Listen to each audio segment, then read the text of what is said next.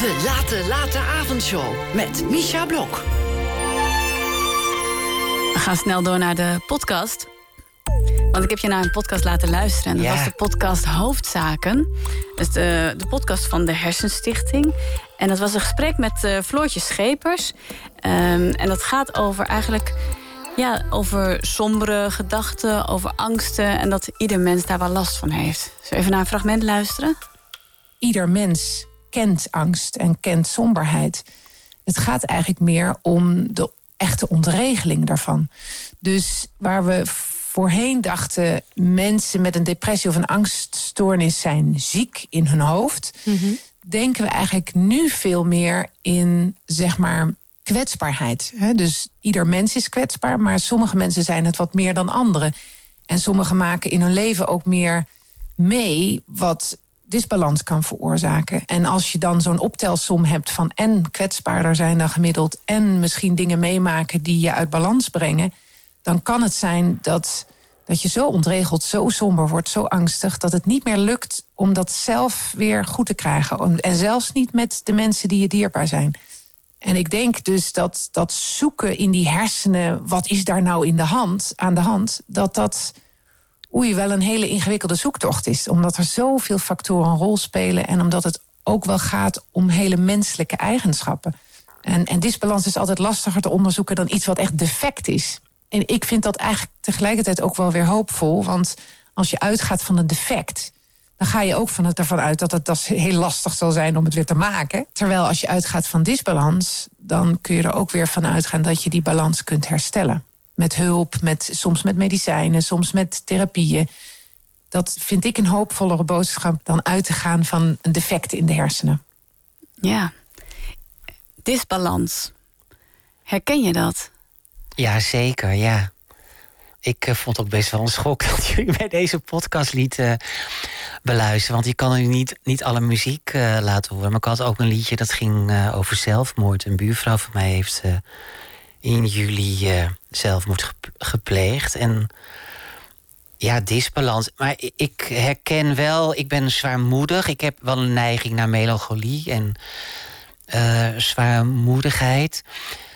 Maar ik kan gelukkig op een gegeven moment wel ehm, ehm, de knop omdraaien. Of ik blijf er gelukkig niet, eh, eh, niet in hangen. En dat lijkt me heel erg als je een zware depressie hebt. Dan is er echt een soort uitzichtloosheid. Ik vroeg me natuurlijk wel af waarom jullie de- mij hiermee... Want eh, waarom had je deze podcast? Eh, had je daar speciale reden bij? Nou, Of- inderdaad, ook omdat je had verteld over die zelfmoord eh, van, van je buurvrouw. En, ehm, en omdat ik inderdaad die melancholie Ja, ook ja, wel in ja, de muziek Klopt, door vond klinken die je had uitgekozen. Eh, nou, ik, ik denk wel dat ik behoor tot de mensen die wat gevoeliger zijn dan andere mensen. Ja, je Eh. had het eerder over, dat komt eh, ook in de podcast voor... het onderscheid tussen een orchidee en een paardenbloem, hè? Ja, ze maakt dan, eh, ik weet, Floor, ik weet even haar achternaam niet, maar het onderscheid is dat de meeste mensen zijn dus volgens haar paardenbloemen.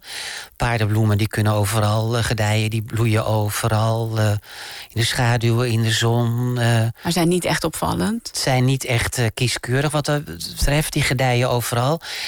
En orchideeën hebben wat meer zorg nodig. En eh, die zullen ook in bepaald, op bepaalde plekken eh, juist gedijen... maar op andere plekken juist weer eh, verpieteren. En dat vond ik wel erg ver Ja, en gaan. op het moment dat die uitkomt, dan is het prachtig. Ja, dat is waar. Ja, maar ik- Toch? Dat vergeet je. Dat is een van de Ja. belangrijkste dingen. Ja, ja. ja maar ik, ik dacht erover na en toen dacht ik van... dan vind ik mezelf meer een, een wijnstok. Nee, is echt waar. Op de hogere hotelschool heb ik ooit een... eh, dat waarschijnlijk ook om, heb ik dat daarom onthouden... heb ik ooit eh, gehoord van... Le vin doit pleurer. De wijn die moet huilen. En de beste wijn ontstaat eigenlijk op, eh, eh, op plekken als die wijnstokken extra hun best moeten doen eh, om zich vertak- te vertakken op zoek naar voedingsstoffen. Oh, mooi. In die zin voelde ik mij dan weer meer een, eh, meer een wijnstok. En ik had bij een orchidee had ik ook een beetje de associatie van een kasplantje. Of, of zeg ik nou iets heel raars? Ja, het is wel ja, het is ook wel kwetsbaar. En Ja. Het is geen het, buitenplant. het, het mooie, het mooie is natuurlijk wel dat ze benadrukt dat, ehm, dat kwetsbaarheid niet eh, en gevoeligheid niet per se hoeft te betekenen iets negatiefs hoeft Nee, te precies. Dat vond ik er zo mooi dat vond ik ook Ja. heel erg mo- mooi. En dat, dat het iets. eh, eh, ja, dat het ook iets, iets, iets, eh, iets moois eh, is. En ik, ik moest. ja, waarschijnlijk omdat ik het toch in eerste instantie een beetje te veel ook op mezelf betrok. Ik schrok ervan. Maar ik dacht ook. Op een gegeven moment he- heeft het er ook over van. hè, het kan aanleg zijn. Ik ben bijvoorbeeld als kind ook ziek geweest. Ik heb tuberculose eh, gehad. En daardoor heb ik een anderhalf jaar ging ik halve dagen naar school, waardoor ik ook de, rest van de dag in bed lag. En dan was je ook op jezelf aangewezen. Dus dat zal ook wel eh, gevoed hebben om, om, om over allerlei dingen eh, na te denken. Maar externe factoren worden ook eh, genoemd. Als je in een, hè, als je in een bui- buitengesloten voelt of geïsoleerd, kan dat ook de depressie triggeren. En wat dat betreft is die podcast denk ik ook heel mooi in deze tijd. Want eh, deze tijd is sowieso denk ik al heel erg eh, stressmakend. Eh, er gebeurt zoveel. Het is allemaal zo intens. En helemaal ook nog eh, door corona. Dus wat dat betreft is dit denk ik een hele goede podcast. En ik ben ook meteen naar een andere aflevering geluisterd met Mike Baudet.